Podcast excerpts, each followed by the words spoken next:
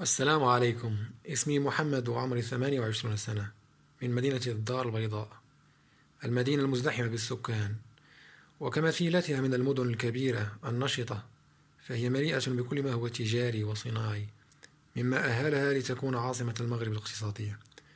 أحب قراءة الكتب والسفر ومتيم كثيرا برياضة كمال الأجسام.